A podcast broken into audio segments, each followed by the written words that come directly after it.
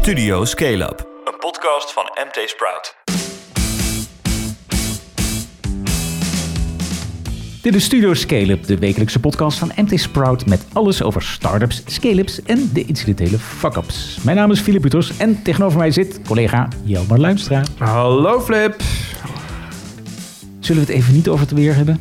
Ja, het weer, het is wel erg eh, lekker weer. Hè? Ja, fantastisch. Nou, eindelijk Ja. weer mooi weer. Ja. Maar ja, corona, dat is Eh. natuurlijk ook alweer een beetje over. Hè? Want de maatregelen die zijn sinds vandaag volledig voorbij. ja, Dus, ik mag eh, weer nou, met het ja. OV zonder mijn mondkapje. Ja, nee, op de fiets merk ik ook al geen verschil. Nee, ja. Maar het is allemaal wel natuurlijk weer duur geworden ook tegelijkertijd. Oh, ja, Eh, ja. Olie, gas. Ah, laten we het nou, daarover hebben. De prijzen van de diesel. Nee, mag niet, hè? Nou ja, nee, nee, redt nee. benzine. Jij, jij redt het milieu. Ik, nee, nee. Dus, Verschrikkelijk. Goed, eh, ja. en Ajax was ook iets mee. oh, daar weet ik echt helemaal niks Ach, van. nee, nee, het is helemaal niks. Nee, nee, Nee. Wat ons wel interesseert zijn... Ja, de main de topics. main topics. Ja. Wat zijn ze deze week, Jelmer? De main topics? Siewert heeft na een carnavalskraker ook een boek. Siewerts Miljoenen. En daarin staan een paar dingen die we nog niet wisten over de mondkapjesaffaire. En als tweede item. Startup Stad Delft. De startups bloeien volop in de schaduw van TU Delft. Maar ze vertrekken ook net zo snel weer als ze doorgroeien. Wat doet Delft daaraan? Ja, man. En dan hebben we als derde main topic nog een hele speciale gast. Ja, namelijk Remy Gieling. Ja. oude co-host, eh, hoofdredacteur. Ja, ja. God. Onze, onze oude eindbaas. Ja, die is eh, momenteel in San Francisco om eh, namens MT Sprout wat filmpjes op te nemen. Hij sprak er onder meer met Zietse Vermeulen van het Nederlandse consulaat. Oké, we gaan beginnen.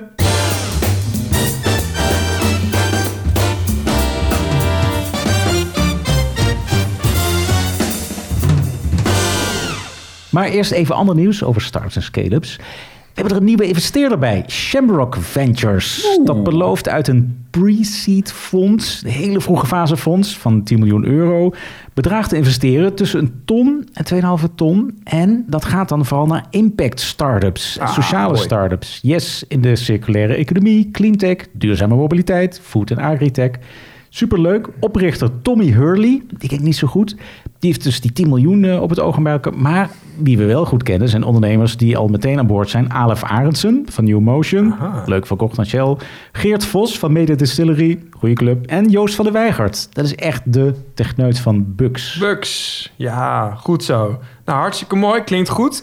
Een eh, ander nieuwtje. eh, Yuga Labs. Hè, dat is de maker van de Board Apes NFT. Daar hebben we het ook al eerder over gehad. Ja, ja, die heeft dus 450 miljoen dollar opgehaald bij Andreessen Horowitz, bekende VC uit Amerika. Ja. Tegen een eh, waardering van 4 miljard dollar. Nou, dat is trouwens een, eh, een miljardje minder dan waarop werd gehoopt ook nog. Dus dat is ook wel weer bijzonder. Toch wel lekker. En eh, als je nog verder in NFT's of Web3 of andere metaverse shizzle wil duiken. Amsterdam die krijgt er deze zomer een heus Metaverse Festival bij. Een festival dus over, ja, over de metaverse. Het heet Met EMS en het claimt de eerste in Europa te zijn in zijn Jee. soort. Ja. De bedoeling is dus dat de tech- en media scene eh, ja, een paar dagen helemaal los kan gaan in discussietjes en feestjes. Maar ja, dat is wel opvallend, want de metaverse zou eigenlijk allemaal digitaal zijn. Maar eh, ja, dit is fysiek, dus eh, Fysiek. compleet niet in stijl eigenlijk. Ja, oké. dus de metaverse wordt toch echt fysiek in de stijgers gezet daar. Toch weer fysiek, ja. Gaan we langs? Nee ja, we kunnen toch niet langs gaan? We, we sturen onze avatars. Nou ja, dan Eni.nl, dat is het zonnepanelenbedrijf waar we het vorige week over hadden, van de broers Patrick en Milan van der Meulen. Ehm, die zoeken maar liefst 100 nieuwe medewerkers om eens even flink te gaan doorgroeien.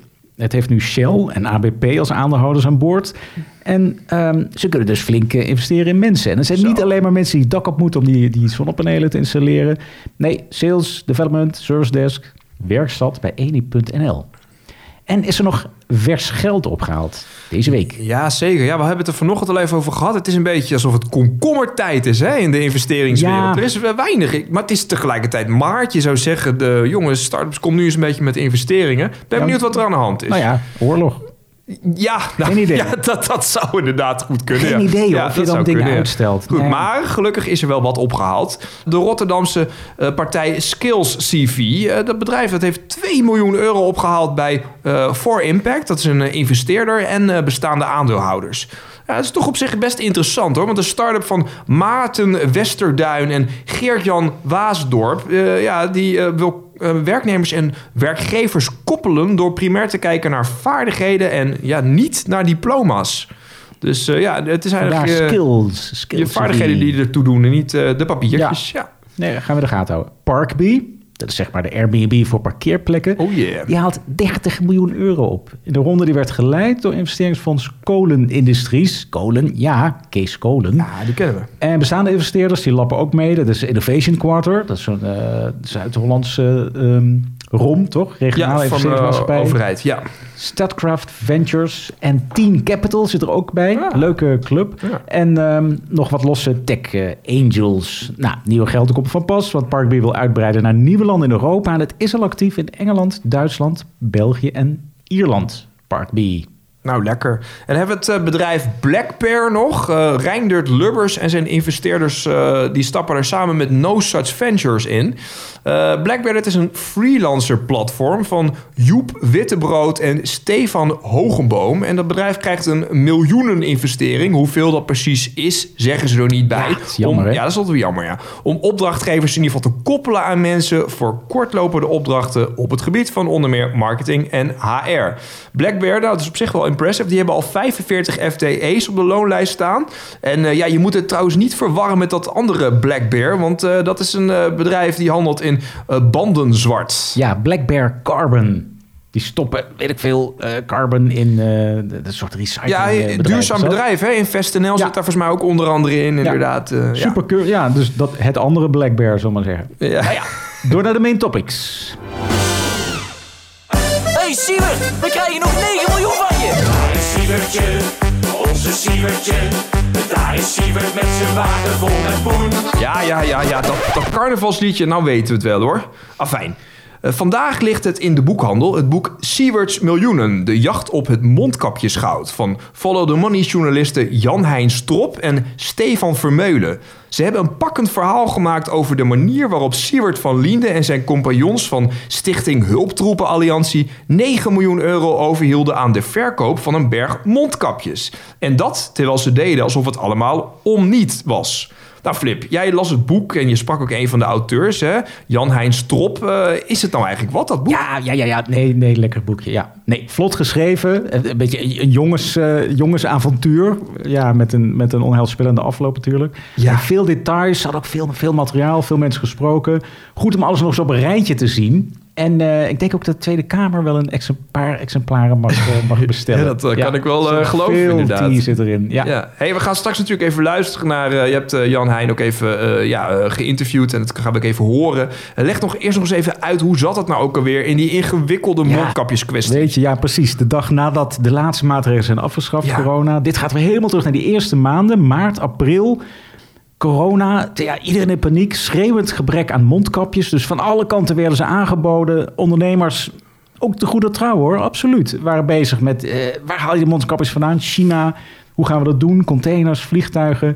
Nou, Van Linde, die had connecties in Den Haag. Die schoof dus in het voorjaar van 2020 aan bij de overheid, bij VWS... met namens Hulptroepen Alliantie, een stichting zonder winstoogmerk. werd toen nog gezegd, ja... Nou ja, op een of andere manier wist hij dus VWS achter zijn plannen te krijgen. Hugo de Jonge ook. Die, eh, dat staat vandaag in de, gisteren, woensdag in de Volkskrant. Hugo de Jonge echt erop aandrong.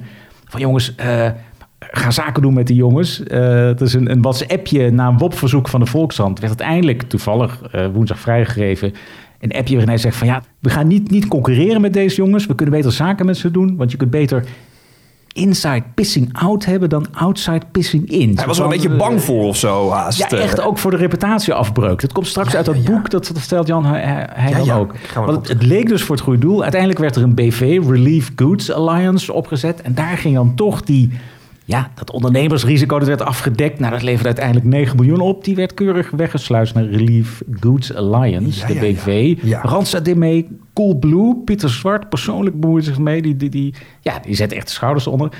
Maar Siewert van Liende, en van, voor ons vooral interessant, Bernd Damme, ondernemer, start-up ondernemer, serieondernemer, en Camille van Gessel, die waren dus ook, dat, dat, ja, die andere twee, dat, dat maakt het voor ons eigenlijk extra interessant. Ja, die moesten we toch ook inderdaad zeker wel even noemen. hey, eh, wat voegt dit boek nou... Want er is zoveel informatie al geweest over deze kwestie. Wat voegt dit Ja. boek nou precies nog een beetje toe... aan wat we eigenlijk al wisten over Siebert en zijn compagnons? Ja, nou allereerst heel duidelijk op een rijtje wordt het gezet. En dat is ook echt nieuw dat ze van het begin af aan dat winstoogmerk hadden. Ja, echt hè? En dat ze het geld echt vanaf het begin af aan ook echt dachten snel weg te kunnen sluizen. Luister maar even naar wat Jan-Hein Strop erover zegt.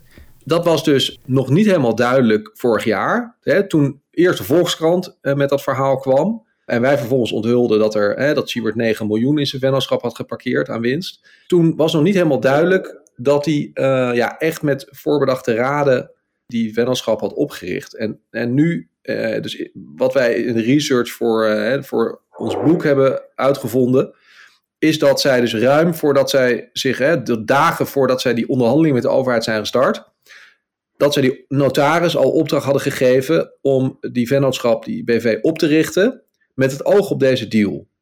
En het was dus evident de bedoeling dat die helemaal los stond van de stichting, hè, zodat daar echt die winst van die deal in die BV zou kunnen vallen. Ja, die werd min of meer weggesluist. Hoe kwamen jullie erachter dat het drie dagen voor de echte deal was? Ja, er, er zijn e-mails van, ehm, van Bernd Damme, een van eh, de partners van uh, Siebert van Linden, aan eh, de notaris. Eh, ja, daar staat het gewoon in. Hè? Dus daar zegt hij van, eh, we moeten, je moet er nu echt vaart achter zetten, want we zijn bezig met die deal en eh, richt het snel op. En dan heb je dus één jongen met veel contacten in Den Haag en, en bij de media, Siebert. Maar die andere twee ondernemers, ja, dan ga je toch denken van wie zijn nou de handigste ondernemers? Wie is dan ook echt de bedenker van hé, hey, we zetten een BV'tje op, we sluiten het weg. Ehm heb ik ook aan Jan Heijn gevraagd. Wie, wie denk je dat echt, echt achter dat idee zat? Aan wiens eh, brein dit nou exact is ontsproten, hè, dat, dat, dat weten we niet zeker. We weten wel dat, dat Bernd Dam natuurlijk een jongen was eh, die meerdere ondernemingen op zijn naam eh, had staan. Ehm, hè, dus die, dat is wel iemand die ervaring had met het oprichten van vennootschappen, dat soort zaken. En dat had Siewert van Linden dus duidelijk niet. Hè, want die, die jongen was, werkte bij de gemeente Amsterdam toen. En hij heeft eh, bij talkshowtafels natuurlijk gezeten. Daar kennen we hem allemaal van. En eh twitteraar. Maar Siewert van Linden heeft nog nooit iets ondernomen, zou je kunnen zeggen. Hij heeft van alles ondernomen hoor, maar niet als ondernemer. Dat is toch leuk hoe kritisch die, die auteurs van Follow the Money... hoe kritisch zijn over onze ondernemers. Hè? Bernd Damme, een hele goede bekende van Sprout-lezers... die notabene ergens in 2000, weet ik veel... de 2525 award eh, gewonnen. We hebben hem op het schild gehezen samen met Oh, eh, ja.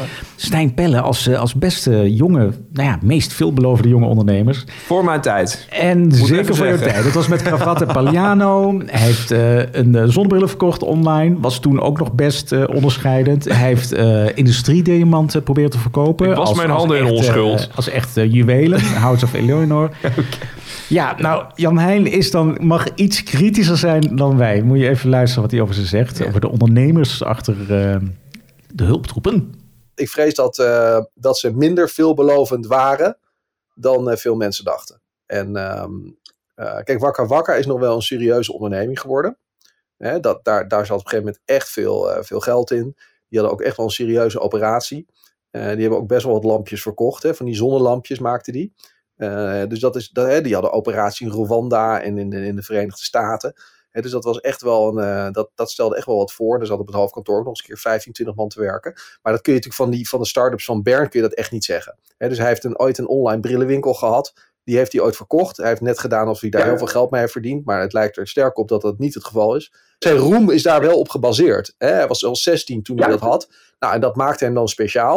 Als jonge ondernemer. Maar, maar als je ziet wat het dan daadwerkelijk voorstelt. Nou, eh, zeer waarschijnlijk heel weinig.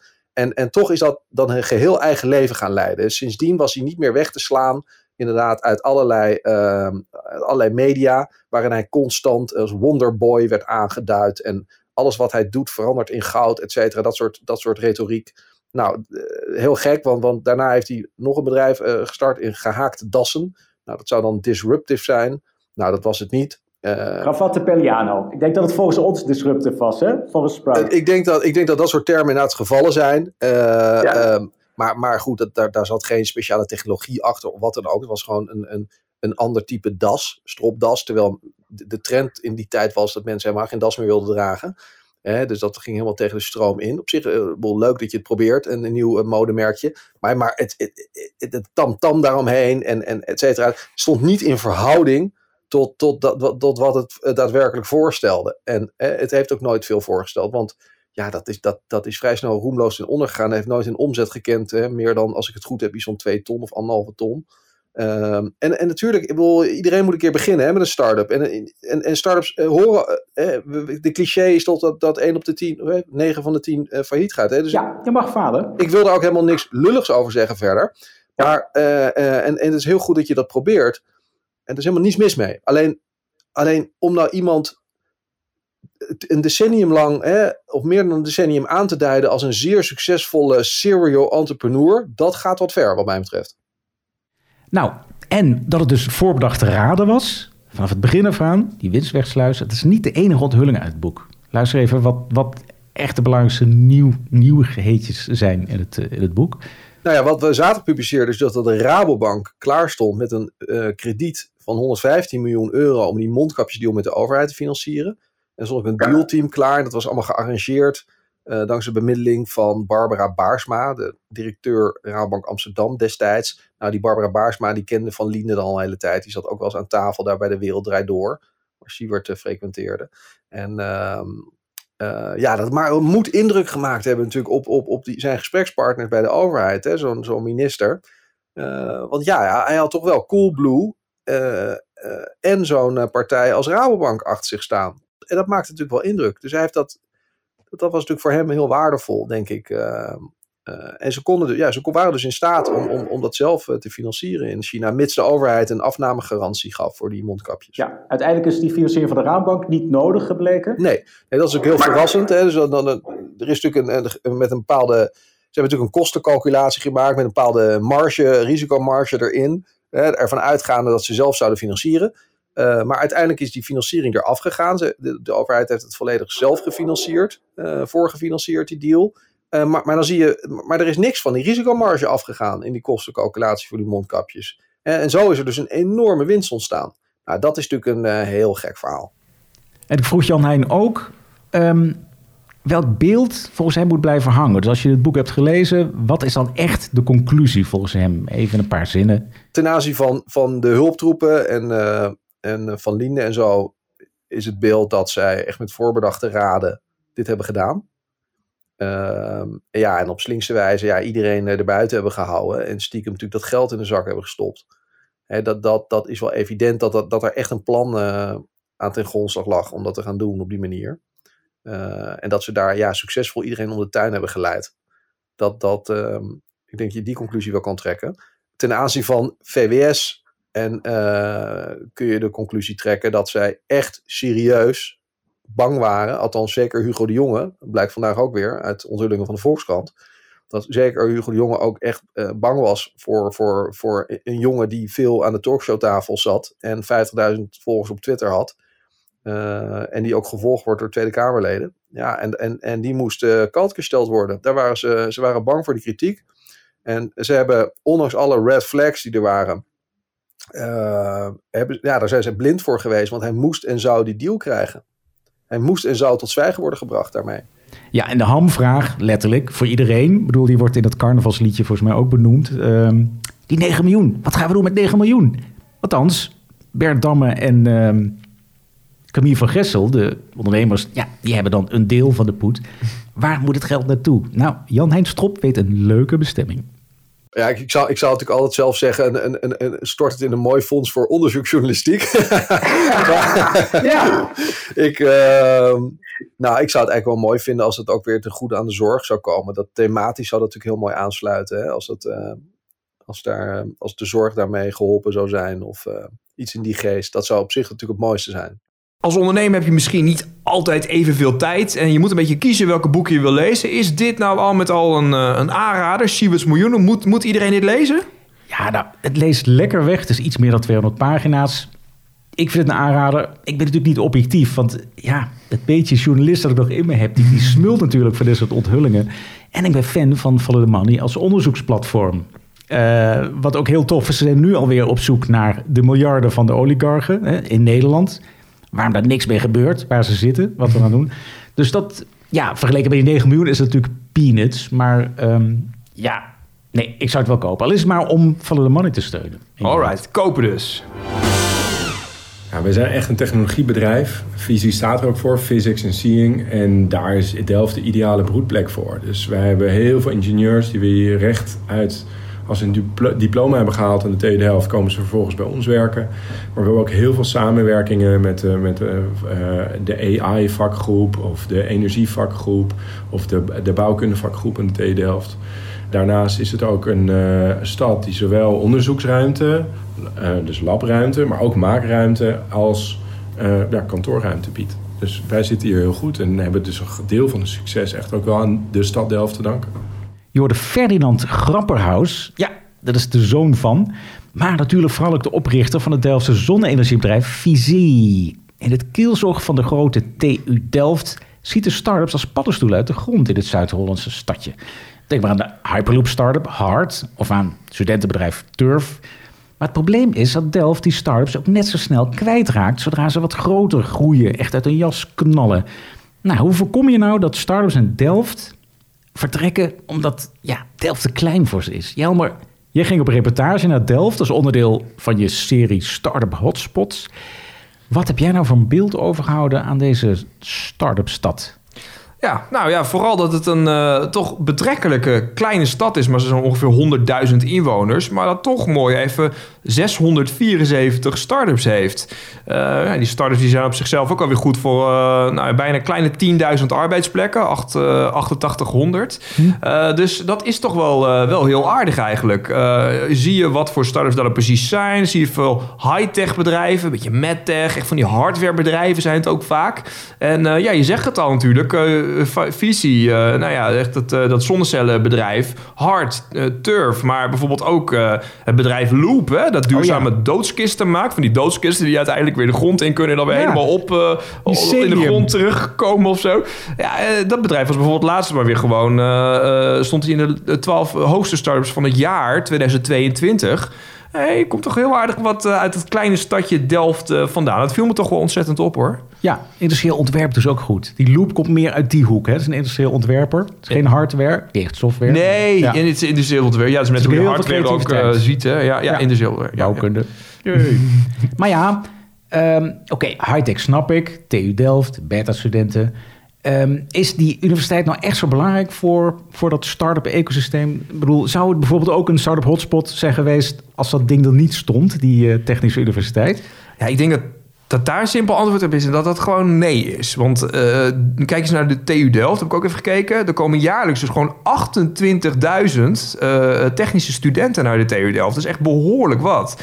En TU Delft doet er ook ontzettend veel aan om van die studenten uiteindelijk ondernemers te maken. Het bekende voorbeeld dan is dan de incubator en accelerator Yes Delft. Ja, fan Nou, van. eh, ja, ja, op zich, eh, doet- wat zij doen is best interessant. Hoor. Eh, je kan er dus gewoon een plek huren. Je kan er meedoen aan allerhande ondernemersprogramma's. Nou, en momenteel zitten daar 96 start-ups. En die, hebben dan, die zijn goed voor 1500 start-up medewerkers. Een van de grootste accelerators van, van Europa, heb ik me laten vertellen. Twee grote panden waar ze zitten. Allerhande de mensen die daar werken zijn ook allemaal... of zowel ze zijn ex-ondernemers... of ze hebben heel veel ervaring in de ondernemers zien. Dus echt wel eh, behoorlijk, eh, behoorlijk groot, groot iets. Eh, honderden eh, ook eh, start-ups die daar ieder jaar toegelaten willen worden. Eh, ja, enkele tientallen, zo'n twintig worden er toegelaten. Dus echt, er gebeurt behoorlijk wat. Eh, nog veel meer initiatieven zijn er vanuit de TU Delft. Maar ik denk dat Yes Delft sowieso mooi is om even uit te lichten. Je ziet wel ook tegelijkertijd, dat is wel het mooie verhaal ook wat weer voor Delft eh, spreekt, dat er ook andere initiatieven inmiddels uit de grond komen. En dan ik ben bijvoorbeeld even langs geweest bij het Kabeldistrict. Dat is een, eh, ja, een, oud, eh, een oude kabelfabriek eigenlijk. Eh, jarenlang zijn daar gewoon kabels geproduceerd. Maar zoals dat ging, die oude industrie, op een gegeven moment ging dat eh, over de kop. En dan was het heel lang, eh, was er niks. En nu, ja, sinds een paar jaar hebben ze daar dus nu een, een beetje een, ja, haast een wat hipsterachtig terrein. Met leuke eetentjes, met cafeetjes. Met, je kan er, p- padel kan je er spelen. Maar je hebt er dus ook een, een mooi eh, start-up lab. Dus een ja, ruimte voor start-ups waar ze hun lab hebben. Waar ze, waar ze een kantoor hebben. Er zitten meer dan, er zitten momenteel elf start-ups in ieder geval. Eh, en eh, ja, dat, eh, dat is toch wel een hele leuke, leuke, leuke plek. En dat is dan meer een soort oude troep, zeg maar. Oude Ja. gebouwen, Ja, anti-kraaksfeertje. Ja, dat is een beetje- natuurlijk piekfijn. Dat is Ja. toch gewoon nieuw neergezet. Er komen straks, Ja. eh, eh, komen op de, de bedoeling is dat er straks iets van 3000 woningen ongeveer eh, worden gebouwd. Maar inderdaad, Ja, momenteel boe. is dat gewoon echt even iets, iets, ja, iets, iets rauws. En dat is ook Ja. wel leuk. Ik sprak daar ook de oud-kraker, die heette Sal Jua Bosman. Die heeft daar ook een bedrijf, Hm. waarbij die ook toevallig kabels maakt trouwens. Wel heel aardig. maar die zei ook, dat is eigenlijk een oud-kraker uit Amsterdam. Die heeft daar tegenover dat slangenpand gewoond nog. En eh, die was, ja, die was dus de stad op een gegeven moment een beetje zat. Omdat ja, je kan hier niet echt meer kraken. En eh, dat is, hij was een beetje klaar mee. Maar hij zei letterlijk tegen me van ja, Delft dat leek me als aanvankelijk best wel suf. Maar ja, kijk eens om je heen, weet je. Je hebt hier alle vrijheid. En eh, ja, ik heb daar gewoon even een, een biertje met hem gedronken. Hij kon er gewoon een lekker sigaretje roken. En ja, was eigenlijk best wel grappig, ja. Minder Dus, eh, aangeharkt dan, dan Amsterdam. Met, ja. eh, ja, en dan heb je ook nog ja. een andere plek waar ik dan was, was misschien wel iets meer plastisch. Maar dat was dan het, de incubator voor groene energie en offshore startups Buccaneer. En daar heb je dus eigenlijk allemaal van die startups uit de dream teams van TU Delft. TU Delft doet dan aan van die dream teams die allemaal een soort van bepaalde opdracht krijgen om iets, een technisch probleem op te lossen. Vaak heeft dat dan te maken met duurzame energie.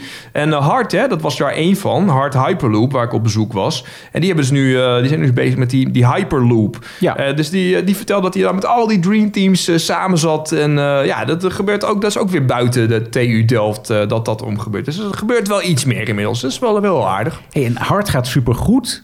Um, maar ik las dus, ja, die, die vertrekken dus binnenkort ook uit Delft. Dat Delft te klein voor is, weet ik veel. Ja, ja inderdaad. Uh, ja, die vertrekken naar Rotterdam inderdaad. Uh, die sprak ook die Tim Houten inderdaad. Die zei ook van, ja, we groeien hier simpelweg een beetje uit ons jasje. Hij uh, heeft inmiddels 40 mensen op de loonlijst. En dat werd eigenlijk gewoon wat te klein, de ruimte waar hij zat. Hij kon in Delft niet echt heel veel grotere ruimte vinden.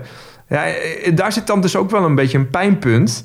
Want uh, uh, ja, ik sprak ook nog die uh, economiewethouder Bas Vollebrecht van... ja, is wel grappig. Je hebt daar een studentenpartij die heet STIP. Dat is een oh, ja. partij die uit ja, de technische studenten voort is gekomen. Inmiddels al de grootste van de stad bij de laatste De grootste partij? Ja, dus nou, de studenten zijn er aan de macht? Ja, ze hebben zes Jeetje. zetels. Evenveel als volgens mij D66 en GroenLinks. Maar ze hadden wel de meeste stemmen. Dus ze Wow. hebben gewonnen. Maar die zegt ook van ja, weet je... heel veel van die scale-ups, als die startups weer groter worden... als ze scale-ups worden, dan hebben ze grote labs nodig... om bijvoorbeeld een innovaties te testen. Ja, en die ruimte heb je gewoon niet altijd in Delft. En nou ja, daardoor werken bedrijven dus uit naar andere steden. En ja, dat is jammer, want je zou ze eigenlijk in de stad willen behouden. En uh, ja, volgens hem, uh, hij wijst er zelfs op dat de, de, de werkgelegenheidsgroei in de regio dus al een paar jaar achterloopt op de rest van Nederland. Hmm. Ja, dat is ook ergens wel weer logisch, want ja, start-ups, die hebben natuurlijk minder personeel dan scale-ups. Als ze eenmaal echt gaan groeien, dan gaan ze ook groeien in personeel. Het FTE-bestand gaat uitbreiden. Maar Ja. als je dan verhuist naar, ik weet niet, naar Amsterdam of naar Utrecht of zo, ja, dan, dan is de regio het kwijt. Maar wat doet eh, de wethouder van de studentenpartij er dan aan? Om, om ze dan toch in Delft te houden? Ja. Moet hij die labs gaan bouwen of zo? Moet de gemeente investeren in... eh, Ja, nou ja, hij zelf eh, kan natuurlijk op zijn eigen titel heel weinig. Maar vanuit de gemeente is er, eh, is er wel het een en ander gebeurd. De universiteit bijvoorbeeld natuurlijk heeft ook ja, onderwijs, of hoe moet ik zeggen, publieke aandeelhouders. Die hebben laatst een nieuw pand gelanceerd. Next Delft heet dat. 10.000 vierkante meter is dat. Het zit eigenlijk naast Yes Delft. En daar passen ja, toch wel 15 scale-ups in. Die hebben allemaal een grote ruimte om lekker te experimenteren met hun, eh, hun innovaties. Wordt zelfs in 2023 verdubbeld qua omvang ook nog eens, heb ik me laten vertellen. En ik sprak ook nog iemand, eh, een, een ondernemer van een bedrijf Carbon X. Die maken een beetje koolstofmateriaal waarmee je de banden langer mee Hey, kunnen. En die ja, hebben daar bijvoorbeeld een groot... Black-achtig. Ja, heel Black. Bear Ja, ja, alweer. Alles Black is Black Bear tegenwoordig. Ja.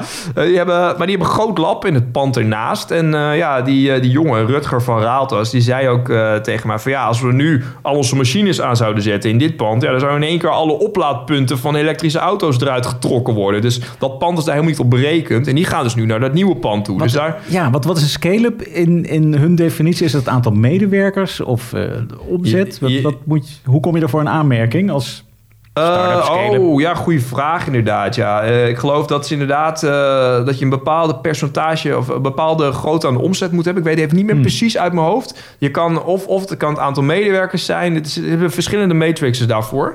Ehm, maar goed, het, ja, op zich dat pand is nog wel een, een uitdaging. Want eh, ja, zo de gemeente die investeert daar eh, 1,25 miljoen in. Maar eh, ja, ze mogen natuurlijk niet alles erin investeren. Want dan zou het een soort van staatssteun Ja. eh, worden aan bedrijven. Dus ze hebben ASR, die verzekeraar, zo Oh. ver gekregen om 35 miljoen daarin eh, te investeren, heb ik me laten vertellen. Ja. En eh, ja, de, voor ASR is dat natuurlijk ook best wel een risico. Want eh, ja, scale-ups die willen natuurlijk eh, in no time weer verder. Want die willen flexibele contracten hebben. Die gaan uitbreiden. Dus die zeggen natuurlijk misschien na één of twee jaar ook weer van... eh, nou, eh, het is weer goed, ik ga weer ergens anders wat huren. Eh, en daarom heeft de gemeente in ieder geval daarvoor zeker gemaakt... dat ze de helft van de huur willen vergoeden... als maar de helft van het pand verhuurd wordt. Ja. Bleek uiteindelijk niet nodig, want het pand is al bijna helemaal verhuurd. Maar Ja. goed, het geeft wel aan dat geld is wel echt altijd een issue. En ook eh, ja, natuurlijk in Delft. En in de raad, eh, heb ik me laten vertellen door Bas Vollebrecht eh, van, van Stip... geeft dat ook nog wel eens discussies. Hè? Van, moet je dit soort dingen nou echt als gemeente subsidiëren? Moet je geld geven aan, aan- een Next Delft, aan een Yes Delft? Kan dat niet beter naar een buurthuis? Nou, en Bas zelf die zegt dan weer van... ja, ik vind van wel, want doordat je nu investeert in je kenniseconomie... heb je straks ook nog buurthuizen. Dus nou ja, dat geeft de verschillende meningen in de gemeente misschien wel een beetje goed weer. Ja, jeetje. En ehm, nou, je houdt dus erin ook over dat er toch een soort exodus aan, aan scale-ups eh, op gang komt. Ehm, maar er zijn er ook een paar bedrijven die wel echt Delft trouw blijven, toch? Die, die nou ja, wa- waarom? Die vinden dan wel betaalbaar of voldoende ruimte? Ja, inderdaad. Ja, ja, ja Ferdinand Grapperhaus, die we op het begin al even hoorden. Inderdaad, eh, de zoon van een eh, bepaalde politicus. die, eh, ja, die woont zelf in Amsterdam. En die heeft lang getwijfeld om zijn bedrijf toch ook maar een beetje naar Amsterdam, Amsterdam te verhuizen. maar is uiteindelijk ja, inderdaad in Delft gebleven. Nou ja, vraag je hem dan van waarom, waarom ben je dan gebleven? Want hij heeft ook 40 FTE op de loonlijst staan. Net als eh, Hart in principe. Dan zegt hij zelf, ja, eh, de huren zijn hier veel lager. Ik voor hem als ondernemer of voor, Ja, zijn, voor hem voor als- zijn mensen natuurlijk ook, hè? Zijn werknemers. Ja, die, die wonen niet altijd in Delft hoor. Maar eh, dat, dat, dat sommigen wel inderdaad. Ik sprak ook met iemand die uit Rotterdam kwam. Maar voor, voor, ja, voor een bedrijfspand is ook belangrijk. Hè? De huren zijn lager in Delft. En hij zegt van ja, ik heb gestudeerd in Delft. Dus ik ken hier de mensen. Ik heb hier mijn netwerk. Hier kan ik echt dingen van de grond krijgen. Maar het belangrijkste, dat zei hij volgens mij ook al even in het fragment in het begin. Hij zegt van ja, we zitten hier gewoon naast de campus. En ja, eh, studenten kunnen hier zo hup, via de deur naar binnen komen. En ja, je krijgt direct talent. Ja, hij zei ook, de meeste medewerkers van hem... die hebben ook gewoon bij de TU Delft gestudeerd. En eh, nou ja, misschien, ja, het, het ontbreekt misschien nog een klein beetje in, in Del- eh, Delft... aan een wat langer, eh, groter ecosysteem. Maar misschien dat je eigenlijk hier aan het eh, voorbeeld van Ferdinand Grappenhaus kan zien... dat er toch ook wel degelijk aan gewerkt wordt. Dus Delft heeft eh, volgens mij wel, wel toekomst. Ze moeten alleen even hun housingprobleem oplossen voor, voor start-ups. Voor scale-ups eigenlijk. En inderdaad, voor bedrijven die dan vooral dat, dat technische talent willen hebben. Hè? De, Ja. de hardware. ja, ik weet niet wat er in Amsterdam voor talent zit. Marketeers, praatjesmakers, Daar gaan we-. Daar gaan we binnenkort nog wel een keertje Oh, een ja. eh, start-up hotspots Hot- aanwijden. Hotspot, ja. Amsterdam, nee, Amsterdam hebben we niet gehad als hotspot. Ja, ja en, eh, Misschien is er wel nog geen hotspot. Nee, nou ja, dat denk ik wel hoor. Eh, Utrecht ook nog niet. Dus nou ja, goed. Oh, nou, dat, eerst Utrecht. Eerst maar eens even naar Utrecht, Ja, inderdaad. Ja. kritiek van eh, Amsterdam is het middelpunt van de wereld. Ja. Ja, ja, ja. Amsterdam keurig als laatste. Nee. Ja. En dan luisteren we nu nog even naar onze razende reporter Remy Ludo Gieling. Ja, die fietsen door San Francisco met Sietse Vermeulen. Die werkt bij het Nederlandse consulaat daar. En die helpt daar start-ups en scale-ups ja, in het zadel, verder op weg. Nou ja, we gaan gewoon even luisteren naar het interview dat hij had. We zitten hier op het Nederlandse consulaat in San Francisco. We kijken uit over de haven. We kunnen zwaaien naar Mark Benioff in de Salesforce toren. En ik zit hier met Sietse Vermeulen. Hij werkt voor het consulaat in San Francisco. En samen met hem maak ik de interviewserie over Nederlandse ondernemers, professionals en leiders aan de Amerikaanse westkust. Seattle, San Francisco en LA doen we aan. Sietse, waarom maken we deze serie? Ja, nee, eh, wij zijn hier als consulaat in, eh, in San Francisco om Nederlandse ondernemers aan de Westkust te helpen. eh, contacten te leggen hier aan de Westkust om hun bedrijf hier op te zetten, uit te breiden, partnerships op te zetten. Ehm, er zijn hier al heel veel Nederlanders die dat al hebben gedaan. Eh, fantastische bedrijven opgezet, die werkzaam zijn bij fantastische bedrijven. En die gewoon heel veel waardevolle informatie hebben voor Nederlanders die dat ook willen doen. Die ook naar de Westkust willen om hier te komen werken of met mensen aan de Westkust, Amerikanen, te willen samenwerken. En we willen eh, een paar van die verhalen willen we eh, bekendmaken aan Nederlanders die ook een Amerikaanse droom hebben. Er zijn inderdaad heel veel voorbeelden te vinden. Eh, ja, hoe kies je uit al die verschillende verhalen, achtergronden, mensen, nou een juiste mix van interviewkandidaten? Ja, dat is best ingewikkeld, omdat er dus zoveel eh, verhalen zijn. Maar wat ik dit keer belangrijk vond, is dat we laten zien de, de grote hoeveelheid van onderwerpen waar je op werkzaam zou kunnen zijn op de Westkust. We zijn naar Seattle gegaan voor Citizen M, bekend hotelketen uit, eh, uit Nederland, eh, fantastisch design. Eh, ja, dat is hospitality. Dat is natuurlijk iets heel anders dan de techbedrijven hier in San Francisco. Hè. San Francisco, Silicon Valley, het innovatiehart van de wereld. Ehm, de voorbeelden die we hier horen zijn weer heel anders dan Los Angeles. Daar zit veel meer de creative sector, uh, de media-industrie. Ehm, en dat zijn allemaal sectoren, allemaal gebieden waar Nederlanders gewoon heel goed in zijn. En dat zien Amerikanen ook. Ehm, en die verhalen willen we, willen we vertellen. We moeten nog een aantal interviews doen, maar we hebben er ook al een aantal achter de rug. Eentje die me is bijgebleven is die van Tom Medema. Hij was hiervoor CTO en medeoprichter van Bloemon, snelgroeiende scale-up. Hij heeft er naar 150 man gebracht. Wilde een nieuw bedrijf beginnen, maar dacht wel, ja, dan, dat is eigenlijk, ja, als ik echt met techbedrijf wil bouwen en wil concurreren, zoals in zijn geval, met de Slacks van deze wereld en met de, ja, met, wat voor tools heb je hier allemaal, uh, dan moet ik toch naar die Bay Area gaan. Hij heeft een stap gemaakt en heeft hier eigenlijk in no time een aantal miljoenen opgehaald bij angel Wat neem jij mee van dat soort verhalen? Ja, eh, Tom is natuurlijk een heel mooi, uh, mooi voorbeeld, omdat hij hij had een carrière in, in Nederland, maar is uh, bij wijze van spreken met een, een, een koffer naar de Bay Area gegaan omdat hij een droom had. Is in een hackerhouse gaan zitten, heeft enorm aan zijn netwerk uh, gewerkt. En op die manier een bedrijf opgezet. En dat is natuurlijk hè, een beetje het beeld dat we hebben van, van Silicon Valley. Hè? De, de, de bedrijven die in de garage zijn begonnen. Uh, de, de, ondernemende, uh, de ondernemer die, die gewoon maar hierheen komt om wat te doen. het lukt niet iedereen. maar juist daarom is deze serie zo van, van belang. Omdat je dus ziet wat zijn de stappen die je moet nemen. Waar moet je aan denken? En wat maakt uh, zaken doen en scalen in de Bay Area op de Westkust nou zo interessant? Maar ook wat, wat maakt het moeilijk? En waar moet je aan denken als Nederlander voordat je hier naartoe uh, komt? Ja, diversiteit is ook belangrijk, zeker in de Bay Area. We hebben ook voor deze serie een aantal echte topvrouwen uh, weten te strikken om voor de camera te komen. Binnenkort allemaal te zien op MT Sprout. Een van die mensen was uh, Carmen Pop. Zij uh, werkte voor, voor, ja, als, als chief of staff voor de CFO van Asana. Heeft onder meer de, de beursgang mogelijk gemaakt. Geweldig mooi bedrijf. Ja, ze vertelde ook opgericht door de medeoprichter van, van Facebook. Is natuurlijk een hele andere kant. Hè? Want zij, zij heeft niet een bedrijf ge, niet, niet, gestart. Maar heeft het wel ja, weet je, ge, ge, gebracht naar die, naar, naar die stap waar het nu staat. 5 miljard of zo is, is de beurswaarde. Wat, wat vond je mooi aan haar verhaal? Ze vertelde onder meer over die bedrijfscultuur hier, hè? Ja, nee, absoluut. Carmen is ook een mooi, mooi voorbeeld en heel anders dan Tom. Hè. Tom is hier naartoe gegaan en heeft uh, zijn eigen bedrijf opgezet. Zij is uh, via, uh, via Dropbox, LinkedIn langzaam naar de top gegroeid binnen ja, big tech. grote bedrijven hier. En, en die zijn ook heel belangrijk voor de Bay Area. er komt natuurlijk heel veel innovatie bij de startups vandaan. Maar ook nog steeds heel veel innovatie bij, bij de grote bedrijven. Ehm, en wat zij heel erg laat zien is hoe die bedrijfscultuur... En ze noemen het een family. Uh, mijn werk is, is als mijn family. En dat zorgt ervoor dat je uh, heel goed samen kunt werken en, en het maximale uit elkaar uh, kunt halen. Maar het, is, het betekent ook dat het, het hard werken is. Hè? Het is een Amerikaanse bedrijfscultuur en het is geen 9 to 5 en, en je 25 vakantiedagen. En dat laat zij ook wel zien. Dat het, het, is, het, is, het is het hard aanpoten hier in, in de Bay Area. Ja, ze is pas 33. Wat een ongelooflijk verhaal. Echt een kanon. Um, binnenkort is de serie te zien. Alle negen afleveringen op mtsprout.nl.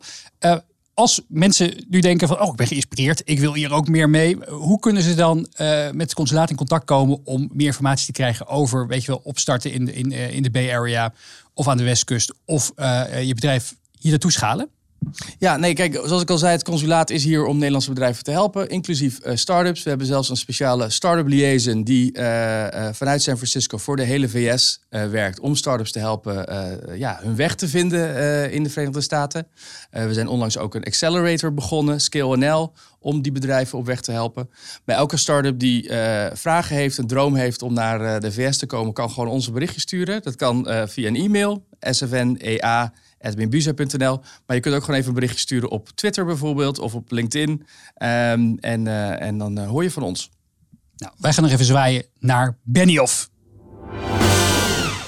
Dit was Studio Scale-up aflevering 47. Vergeet je niet te abonneren op Spotify of je favoriete podcast-app. En deel deze podcast ook, vooral met je vrienden, kennissen. Kom met feedback, vragen. Misschien wil je zelf wel een keer geïnterviewd worden. Philip.mtsprout.nl Jelmer, bedankt dat je er was. Heb je nog een famous last wordje voor ons? Ja, nou ja, we hadden het natuurlijk over die, eh die Siewert gehad. Ik vroeg me nog wel even af, ja, die 9 miljoen van hem, die Oh ja. moeten we natuurlijk eh, terugkrijgen. Maar eh, ja, waar moet hij eigenlijk heen? Oekraïne. Goed zo. Slaaf Oekraïne. Oké, Oekraïne, doen we.